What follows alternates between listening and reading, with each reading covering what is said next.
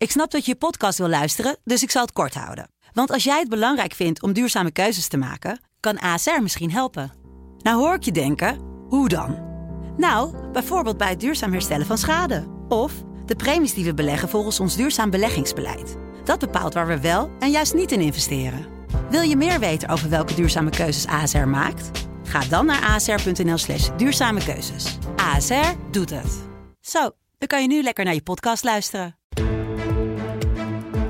Dit is een podcast van de Telegraaf. Ik weet niet of het echt geloofwaardig is of je weer tot verzoening komt als je elkaar eh, voor rancuneus, incompetent en ontoerekeningsvatbaar uitmaakt. Afhameren met Wouter de Winter. Dinsdag 12 mei 2020. Mijn naam is Kamran Oela en welkom bij de tweede aflevering van Afhameren met Wouter de Winter. Wouter, uh, dat welkom. Ben ik. Ja, dat ben jij. ja. Uh, de tweede aflevering. We moeten even beginnen met een reclameblokje. Dat zal ik dan even voor mijn rekening nemen. Want we zijn nu ook te horen op Spotify en op Apple Podcasts. Dus daar kunnen mensen zich abonneren. Uh, dan missen ze geen enkele aflevering. En misschien als ze de, de, podcast waarderen, dan is het ook mooi als een review schrijven. Oh, Dan okay. uh, komen we nog wat hoger in de lijstjes. Uh, nou, dan, dan, dan, dan, weet ik wel wat mensen te doen staat. Want er was al iemand die van de week aan het klagen was dat het nog niet bij Apple te vinden was vorige week. En ik ben blij dat dat nu geregeld is. Dus diegene moet dat ook wel iets tegenover stellen. Kijk, precies. Je weet wie je bent. um, nou, dat is in ieder geval mooi. We gaan het zo ja, toch weer over Denk hebben. Vorige week al kort bij stilgestaan, maar deze week gaat jouw uh, column erover. Over de zomervakantie. Heb je, weet je zelf hoe jouw zomer eruit ziet? Uh, nee, ik had wel geboekt. Dus ik uh, zit hier ook met een duidelijk belang. maar alleen als het natuurlijk veilig kan. Maar ja, nee, het is wel iets wat volgens mij niet alleen ik, maar volgens mij een heleboel Nederlanders op dit moment heel erg uh, naar uitkijken, maar ook uh, veel vragen over hebben. Hè? We merken dat op de krant ook, die verhalen over uh, vakanties of wat is er mogelijk en wat niet en welke landen wel of niet. Dat is een onderwerp wat veel mensen bezighoudt en dat betekent logischerwijs ook dat het in Den Haag natuurlijk belangrijk is. En hoe die kwestie in Den Haag besproken wordt, daar gaan we het zo over hebben. Maar we beginnen met minister Martin van Rijn. In de Telegraaf op deze dinsdag een interview met de interim-minister van PvdA-huizen over Bruno Bruins, over eredivisieclubs, over het opschalen van de IC-capaciteit. En Inge Lengton en Vaant Bartels vroegen hem ook naar het tekort aan beschermingsmiddelen in verpleeghuizen. Inge is chef van onze parlementaire redactie en die hangt aan de lijn. Goeiedag. Goeiedag. Ja, jullie hebben de minister gevraagd naar, die, naar het tekort aan beschermingsmiddelen in verpleeghuizen. Hoe reageerde Martin van Rijn?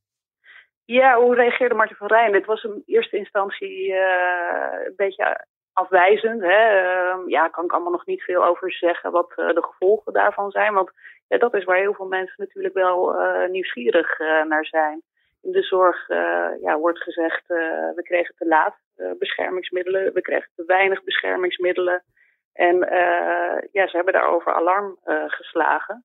En daar hebben de minister inderdaad naar gevraagd hoe hij daar nou tegenaan kijkt. Ja, en, en, en wat zegt hij daar eigenlijk dan over? Ja, hij zegt uh, een paar dingen. Hij zegt, uh, er was natuurlijk gewoon schaarste. Uh, er waren te weinig ja, mondkapjes, schorten, spatbrillen. en die zijn in eerste instantie vooral gegaan naar de ziekenhuizen en niet naar de verpleeghuizen. Nou ja, daar is men in de zorg natuurlijk ja, best wel pissig over. Um, maar dan, hè, als je doorvraagt, dan, ja, dan wijst hij toch ook een beetje naar zijn voorganger, naar uh, Bruno Bruins. Want waar ze in de zorg eigenlijk ja, moeite mee hebben, is dat ze uh, wel hebben aangeklopt bij het ministerie. Van hè, de ziekenhuizen, dat zijn uh, niet de enige plekken waar het misgaat, dat gaat bij ons ook mis. Alleen bij die gesprekken ja, kregen ze eigenlijk gewoon nul op het request. Kwamen ze voor een dichte deur te staan. En als je daar de minister naar vraagt, dan zegt hij, ja, uh, vind ik moeilijk om daar antwoord op te geven, dat is voor mijn tijd. En daarmee lijkt hij toch de schuld een beetje in de schoenen van zijn voorganger te schuiven. Ja, want hij zegt, ik ga geen uitspraken doen over wat de afwegingen zijn geweest in de tijd dat ik niet zelf verantwoordelijk was. Dat vind ik echt ingewikkeld. Is dat zo ingewikkeld? Ja. Um, nou, weet je wat het is? Normaal gesproken werkt het zo dat als een, uh, een nieuwe minister aantreedt, dan neemt hij ook de erfenis van zijn voorganger over. He, dus uh, in principe is Martin van Rijn gewoon wel verantwoordelijk, ook wat er voor zijn tijd is gebeurd. Maar Martin van Rijn is een tijdelijke minister. En dat maakt het eigenlijk wel een bijzondere situatie. He, want hij gaat ook weer een keertje weg. Um, dus eigenlijk gebeurt er ja, in, in, mijn ogen nu best wel wat bijzonders. Um, als het gaat om uh, de verantwoordelijkheid uh, nemen. Wouter, vind je dit ook opmerkelijk dat, dat minister Van Rijn op deze manier antwoord op geeft?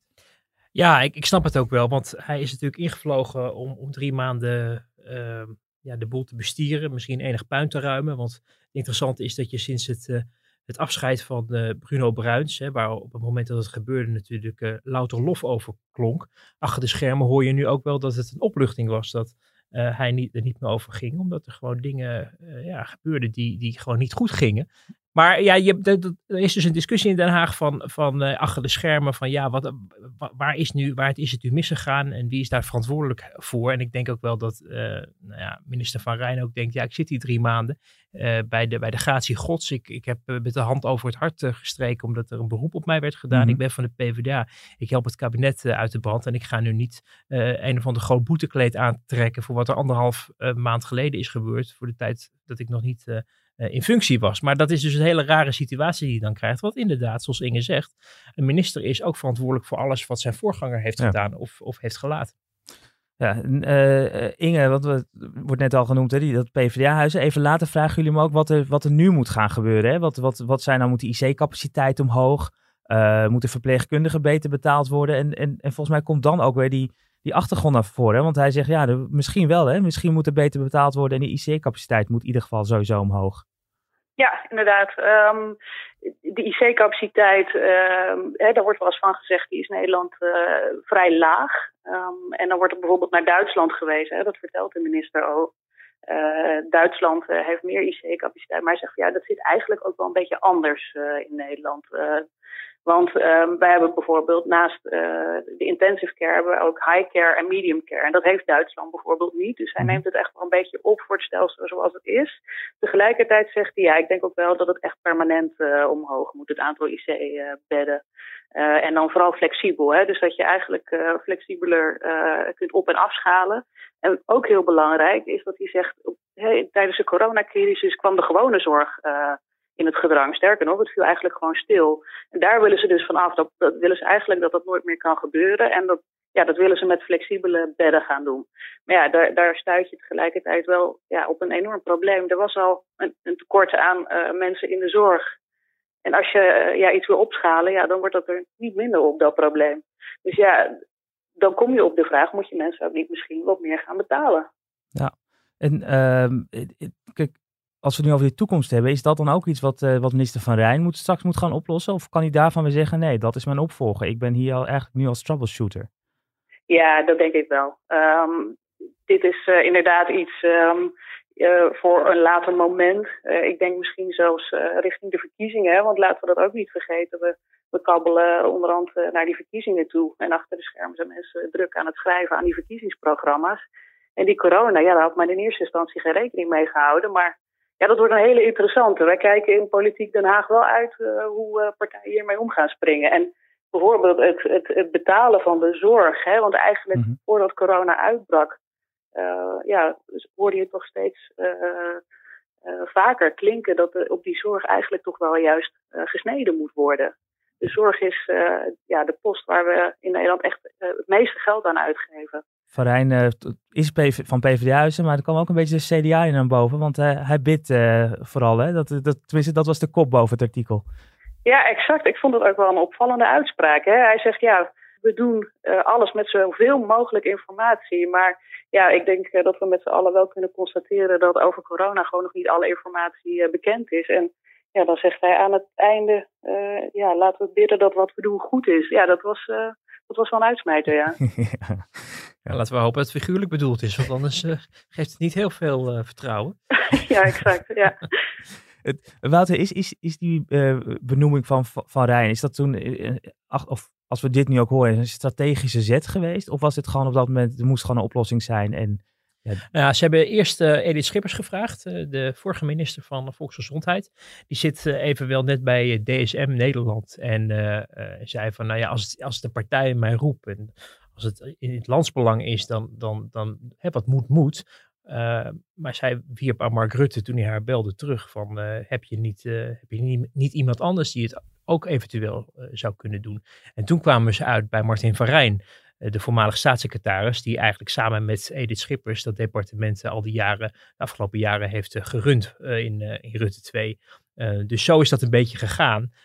het was ook een, een, een bizarre tijd natuurlijk. Hè. Het, wegvallen van, van Bruins ging, ging plotseling. Tegelijkertijd was er een enorme crisis en dreigden die IC-bedden, die capaciteiten van de tekort te schieten. Dus er moest gewoon heel snel gehandeld worden. En toen kwamen ze gewoon uit bij iemand die nog niet zo lang geleden zelf aan die knoppen heeft gezeten. Dat is dan Martin van Rijn. Eh, maar drie maanden.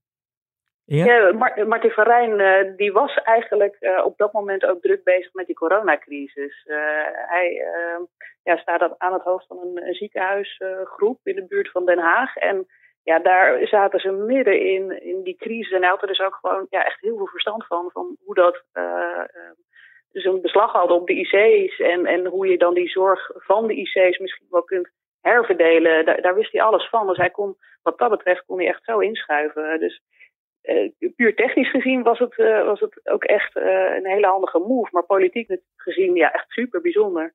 Ja. Inge, dankjewel voor, je, voor je bijdrage aan deze podcast. Jo, fijne dag. Wouter, we blijven bij de coronacrisis. Uh, vorige week namen we op net voor de persconferentie. Nou, inmiddels weten we dat de kappers weer open zijn. Ik moet uh, snel zelf gaan. Uh, ja, ik ga ook deze podcast. Week. Ja, ja. um, de, de, de, de, nagelstilisten zijn weer open. Ook handig voor jou natuurlijk. de verpleeghuizen. Ziet er niet meer uit. ik ben helemaal in de war. Um, maar een, een, aantal versoepelingen. Basisscholen zijn natuurlijk open. Middelbare scholen straks vanaf 1 juni. Mm -hmm. Maar dat is natuurlijk allemaal nog de vraag mits de cijfers. Hè, uh, dus nog wel wat mitsen en maren. We zitten deze week eigenlijk een beetje in, in, in een tussenweek. Die hadden we een paar weken geleden ook al. Dat is zo'n week waar er niet zo'n grote persconferentie is en waar dingen een beetje stil liggen. Uh, lijkt het, maar achter de schermen wordt het natuurlijk wel uh, doorgewerkt door, door het OMT, door de ministers en ook door de Tweede Kamer. zij het alleen niet in een plenair debat deze week over die coronacrisis. Uh, maar achter de schermen zie je dat de controlebehoefte van de Tweede Kamer wel aan het toenemen is. Uh, volgende week wordt, een, uh, wordt weer een belangrijker week. Dan wordt er een definitief besluit genomen. zo verwacht men, althans op dit moment, over het wel of niet open laten gaan van de horeca. Dat zou eigenlijk een week daarvoor moeten plaatsvinden. Maar dan zit je ook wat krapper vanwege Hemelvaartsdag. De gehaktdag komt er nog aan. Dat is de, de, de, de jaarlijkse eh, evaluatie van, uh, van de jaarrekeningen. En daar moet ook over gedebatteerd worden. Dus nou ja, Rutte gaf vorige week al even aan van dat wordt een beetje schuiven en inperken. Dus ze gaan waarschijnlijk volgende week het, het, besluit over de horeca nemen. Nou, de laatste cijfers met betrekking tot het aantal besmettingen en door het aantal doden en de IC-capaciteit zien er goed uit. Dus ik zie geen reden op dit moment waarom dat niet zou kunnen doorgaan.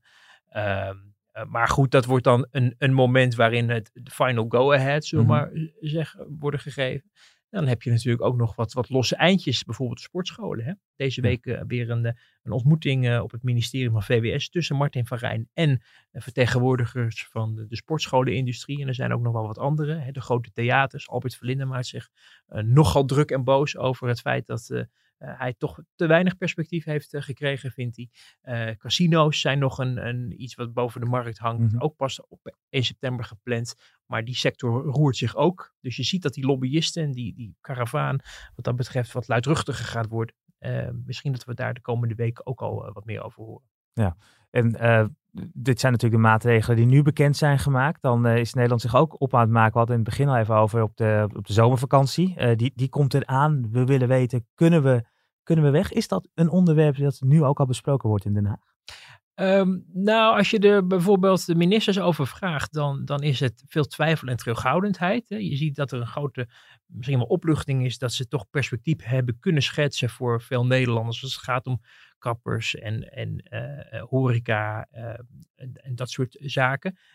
Maar dan gaat het weer volgens het adagium stap voor stap. Dus vooral niet te veel in één keer doen. En men denkt natuurlijk ook na over die vakanties. Hè. Er wordt ook navraag gedaan in, in het land, ook bij burgemeesters. Van goh, hoe kijken jullie daar tegenaan? En kan je eventuele drukte aan als toerisme in ieder geval binnenlands weer een beetje op gang uh, komt. Nou ja, de afweging die je daarbij hoort, uh, die belangrijk is, dat mensen maar buiten kunnen zijn en ruimte hebben, dat dat misschien een stuk beter is dan dat ze met elkaar opgepakt zitten de hele zomer. Uh, op, op, wat is het, 60, 70 vierkante meter voor gezinnen. In sommige steden is het natuurlijk heel krap hè? En, en, en besmettingsgevaar is zijn natuurlijk ook niet minder.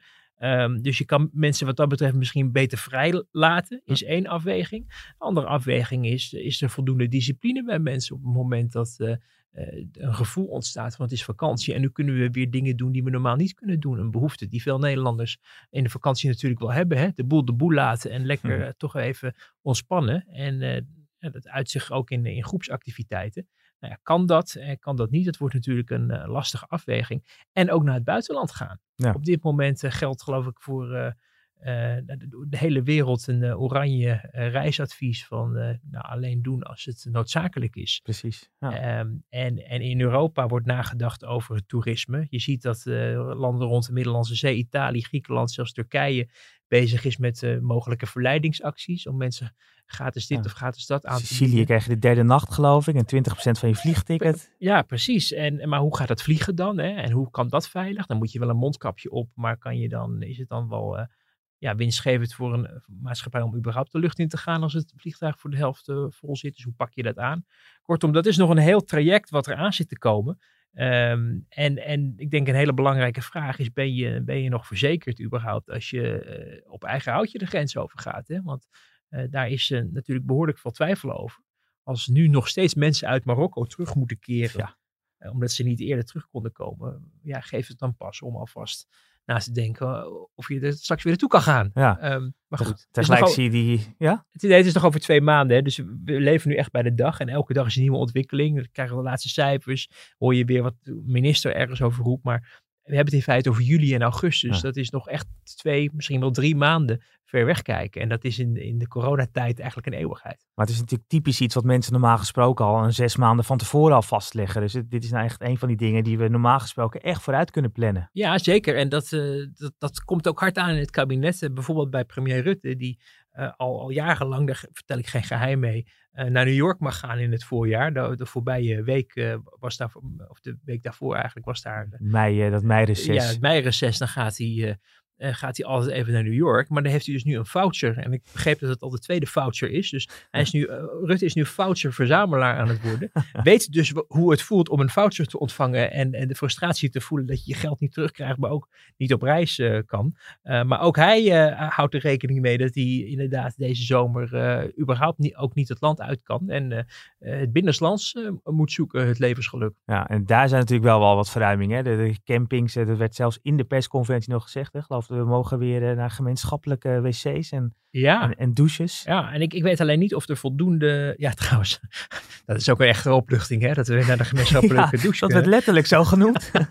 Ja, daar keken we toch weer het hele jaar naar uit. Nee, ik, ik vraag me af, hebben we eigenlijk wel voldoende capaciteit eh, voor, voor al die mensen die op vakantie willen? hebben? We zijn natuurlijk op zich een rijk land. Mensen sparen ook, eh, kijken ook echt uit naar die, naar die vakantie. En eh, wat je hoort, eh, ik, ik had zelf nog niet binnenlands gekeken, maar eh, dat de prijzen behoorlijk aan het stijgen zijn voor eh, accommodatie met enige ruimte en vrijheid. Dus dat wordt nog een hele tour volgens Ik kan mij. je vertellen dat ook al veel vol zit. Ja. eh, en, het, wat trouwens ook opmerkelijk is, hè, was eerst natuurlijk het ontmoetigingsbeleid van Duitsland en Frankrijk of België, kom niet. Volgens mij is dat nu wat losgelaten als ik het goed heb begrepen. Dus het kan natuurlijk ook nog straks zijn dat Duitsers gewoon denken, ach, we gaan gewoon zoals ieder jaar naar, naar Nederland op vakantie, naar de kust. Dus dan is ook nog eens die druk uit andere Ja, landen er. Ja, nee, dat speelt een rol. En daarom is er ook echt wel contact met de Duitsers, maar ook wel met, met, met de Fransen en ook op Europees niveau. Je hoort ook in Den Haag dat ze heel erg hopen, voor, eh, gek genoeg, eh, misschien na alles wat er gebeurd is rond die coronacrisis, op, eh, op, op enige sturing vanuit Europa. Want als er één ding is wat nou niet goed Europees geregeld was, was het een aanpak over hoe je dat virus kon indammen. Eh, maar ze hopen toch wel dat er enige ja, richting gegeven wordt vanuit Europa als het gaat om eh, toerisme en verplaatsingen. Je, in sommige landen moet je met een, met een briefje op pad. eh, om, om te laten zien dat je naar, of bij een vitale sector hoort, of dat je naar boodschappen gaat doen, of wat dan ook. Klinken ook ge- geluiden dat je weliswaar misschien mag gaan rijden, maar dan, zolang je maar in je vakantiehuis blijft, is het goed. Maar dan zit je dus opgesloten in je vakantiehuis. Eh, ik denk dat, ehm, ja, dat, dat het ook een nieuwe uitdaging wordt inderdaad. Want mensen kunnen ook, zeker in deze tijd, vanuit Duitsland gewoon nog naar Nederland. Er staat wel wat marechaussee bij de, bij de grens. Mhm. Maar die komt ook niet verder dan zeggen, wilt u misschien omkeren? Oh nee, dat wil u niet. Nou, Nee. goede reis dan Ja. verder. Welkom. Ja. ja. Uh, het, is dus nu een tussenweek. Volgende week waarschijnlijk weer in ieder geval meer nieuws over die, die, die dingen vanaf 1 juni. Hè, hoe dat dan precies gaat. En misschien ook alweer een, iets meer perspectief voor een aantal sectoren. Ja. Het, tot slot je weekse column. Die gaat deze week over Denk. vorige week toen we hier de studio binnenliepen was net bekend dat Azarkan door het bestuur van Denk uit de partij werd gezet. Ja geloof dat we inmiddels twaalf hoofdstukken of afleveringen verder zijn in de ja, soap. Ja, ja, het is bijna niet bij te houden. En het eigenaardige is ook, eh, dit, dit weekend was die Usturk, het Kamerlid, annex-voorzitter van, van DENK, die dus ook ruzie heeft met, met die andere twee. En eigenlijk geloof ik met het hele kader inmiddels. Die dan weer zegt van ja, maar die, dat rode mens, dat ja, kon misschien ook tijdelijk zijn. Uh, waarop Twan Huis, die, die toch wel weer een vorm bleek bij Buitenhof, gewoon zei van, oh, een je bent voor een week en dan weer terugkeer. Het is bijna, ja, ik zie jou ook lachen, het is bijna niet, niet voor te stellen. Het partijbestuur heeft uiteindelijk gezegd van, misschien moeten we de heer Azarkan aangeven van, even geen lid. Dan, geen lid? Ja. Wacht even, hoe bedoelt u? Een week geen lid en dan is het weer Nee, maar op het moment dat iemand de verzoening saboteert, op het moment dat iemand ervoor zorgt dat we niet tot elkaar kunnen komen en de partij in de media wordt beschadigd, denk ik dat het goed is dat wij als partijbestuur hem uh, zeggen van je bent geen lid. Uh, geeft ook aan wat een, wat een, wat een rommeltje het daar is uh, bij die club. maar waar ik me echt de afgelopen weken wel echt over verbaasd heb, is dat je weliswaar weet dat een jonge partij, um, dat daar wel vaker gedoe ontstaat. Trouwens, bij alle partijen ontstaat gedoe, maar omdat het een jonge partij is, zijn het meestal ook de, de gevestigde namen die, die dan in, de, ja, in, het, in, het, in het gevecht liggen met elkaar, in de clinch liggen met elkaar. Maar um, dat eigenlijk wel ook wat kort van memorie zijn als het gaat om wat, dat, wat die partij Nederland nou eigenlijk heeft gebracht de mm -hmm. afgelopen jaren. En mijn stelling is dat dat eigenlijk helemaal niets is geweest. Hè. Er is een, een, een, toch een puiken verkiezingsoverwinning uh, geboekt uh, een paar jaar geleden, waarin ze drie zetels uh, wisten te bemachtigen. Dat is echt heel goed. En daarna is het eigenlijk alleen maar bergafwaarts gegaan. Ja. Um, en dat ligt denk ik in de eerste plaats uh, bij het feit dat de partij zich op een manier gedroeg dat uh, ja, ze eerder mensen tegen zich in de, in de haren st streken dan dat ze iets deden uh, qua verbinding. Hè? Want dat is waar de partij voor was opgericht, om mensen te verbinden. Maar het tegendeel gebeurde. Er werd ja. eigenlijk voortdurend, voortdurend ruzie gezocht. Er werden belachelijke uitspraken gedaan in de hoop dat ze daarmee media-aandacht kregen. Hè. Wilders was een, was een, werd vergeleken met Hitler. Sadet Karabulut van de SP, die werd beschuldigd van het steunen van terrorisme. Ja. Nederlandse militairen waren moordenaars, zo vond de Usturk. Nou, daar zakt je broek toch werkelijk van af. Uh, en tegelijkertijd, uh, mensen met een allochtone achtergrond die bij andere partijen zaten, werden voortdurend geïntimideerd met filmpjes waarin hun stemgedrag of hun bijdragers werden verknipt en aan elkaar geregeld tot, tot propagandafilmpjes waarin ze heel slecht die, die, die mensen uitkwamen. Dat, dat werkte door tot in hun privéleven. Mm. Mensen die daar last van kregen, ook bedreigd werden. Uh, heel, heel naar, heel vervelend allemaal, maar ook fysiek bijna. in ieder geval, dat je, ik heb een keer zelf gezien hoe een, een, Kamerlid van het CDA in de hoek min of meer werd gedrukt door twee Kamerleden van, van Denk. Die uh, uh, ja, hem heel boos op hem waren dat hij een bepaalde koers aan het varen was. En het was echt alsof je, ik weet niet, in een, in een schotelantenne-allee in, uh, in Amsterdam de Kolenkitbuurt rondliep. Het was heel intimiderend, heel naar. en dat was eigenlijk aan de orde van de dag. En de, zelfs de, de, de voorzitter van de Tweede Kamer, uh, Khadija Ariep, een vrouw die seculier is en, mm -hmm. en haar, haar sporen ruimschoots op eigen kracht heeft verdiend. In plaats van op basis van de afkomst waar de partij Denk uh, de politieke agenda aan denkt te moeten ophangen. Uh, die werd zelfs het, het woord kech toegesist ja, in, het, in het ledenrestaurant. en kech is dan straattaal voor, voor hoer. Um, zo ver ging die mm. club al die baggeren en al die, die, die afschuwelijke verkrachting bijna van de democratische vrijheden die we in het land hebben. Het was dan gewoon een politieke partij. En er zaten, zat, zag ik Usturk weer in driedelig kostuum aan, aan, de buitenhoftafel zitten. Of Farid Azarkan bij Jinek of bij Op1. En dan dacht je bij jezelf, ja, maar ik ben nog niet vergeten wat, wat jullie de afgelopen jaren eigenlijk hebben gedaan met uh, dat mandaat van niet kiezen. Uh, en dat is niet zo veel vrijs. Nee intimidatie en polarisatie uh, continu eigenlijk. Ja, ja en, ja. en, en, en een soort verdienmodel daarvan uh, creëren. Uh, en dat allemaal onder, onder het mom van de verbinding zoeken. Maar zelfs Sylvana Simons, toch niet iemand die, die bekend staat om haar genuanceerde opmerkingen, maar van zei van ja, dit is, zij zijn alleen maar uit de polarisatie. Zij willen helemaal niet verbinden. Uh, we spreken al bijna een beetje in verleden tijd. Uh, maar ze zijn natuurlijk gewoon nog in Den Haag. Hè. De heeft nu aangekondigd om weg te gaan. Maar de, de andere heren die lopen daar inmiddels gewoon weer rond. Dus... Ja, nou, uh, kan is gewoon door blijven werken in, in de Tweede Kamer de afgelopen weken. Ik heb even in het, in, het, in het register gekeken van de aanwezigheid. En nou, dan zag je dat Kuzu en Usturk gewoon wekenlang niet meer hun werk hebben gedaan in de Tweede Kamer. Terwijl een heleboel andere Kamerleden dat wel doen. Al is het maar voor het quorum. Hè? Ja. Het feit dat er dan genoeg mensen in het gebouw moeten zijn om vergaderingen en stemmingen te kunnen organiseren. Dus die hadden een, een prettige coronavakantie genomen kennelijk. En uh, naar Kuzu werd, werd maandag weer uh, gesignaleerd in de, in de Tweede Kamer. Um, en er is nu sprake van een mogelijke verzoening Um, nou ja, hoe dat eruit ziet, uh, dat weet ik niet. Maar... Ja, via tussenpersoon in ieder geval, hè? want ze spreken elkaar niet. Het is toch echt... Dat... Het gaat erom dat we met z'n drieën bij elkaar komen en ervoor zorgen... Maar komt u nog met z'n drieën ooit bij elkaar? Jazeker. Dat Heeft u nog contact gehad met een van beide heren? De nou, we hebben, we hebben contact, uh, ook via uh, tussenpersonen. En het gaat op dit moment de goede richting op. Ik Wat hoop wilt dat u? Wat wilt u? Wilt u een verzoening?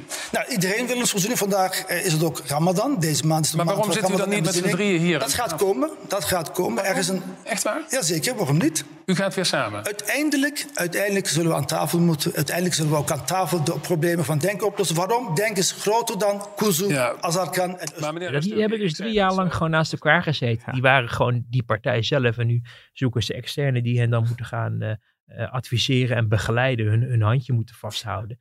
Al die egootjes bij elkaar. Um, ik weet niet of het echt geloofwaardig is of je uh, weer tot de verzoening komt als je elkaar uh, voor, uh, wat was het ook alweer, rancuneus, incompetent en ontoerekeningsvatbaar uitmaakt. Nota bene.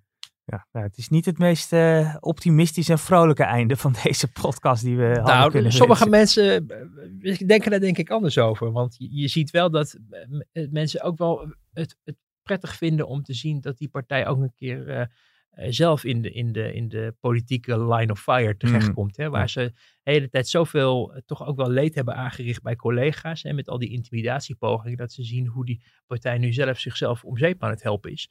Dat, uh, dat wekt ook in Den Haag wel enige geruststelling en verkapte blijdschap op. Ja. Dus het is maar net hoe je het bekijkt. Ja, nou ja, dan, dan, bekijk ik het toch alsof het glas half vol is. Zo is dat. Ja. Uh, maar we zijn, er, weer, we zijn er doorheen, want dat, uh, dat zei ik bij het einde van, de, van de podcast okay. alweer ja. een klein half uur weer, weer verder. En nu vragen we mensen natuurlijk opnieuw of ze die review willen. Ja, ja eigenlijk nu pas, hè, want nu hebben ze het helemaal gehoord. En oh, als het nu bevallen is, dan, okay. dan, dan vijf sterren, vier kan ook. Bij drie zou ik overwegen of het überhaupt moet doen. En minder dan dat, zou ik gewoon lekker laten gaan, zonder van je tijd. Schaamteloos. ja, dit, dit was hem weer, Wouter. Tot, uh, tot volgende week. Tot volgende week. Yes. Dit was Afhameren met Wouter de Winter. Aan deze podcast werkte mee producer en redacteur Marieke Mager. Wilt u geen enkele aflevering missen? Abonneert u zich dan via uw favoriete podcast-app op deze podcast. Meer Afhameren met Wouter de Winter? Kijk dan ook naar de wekelijkse video op telegraaf.nl.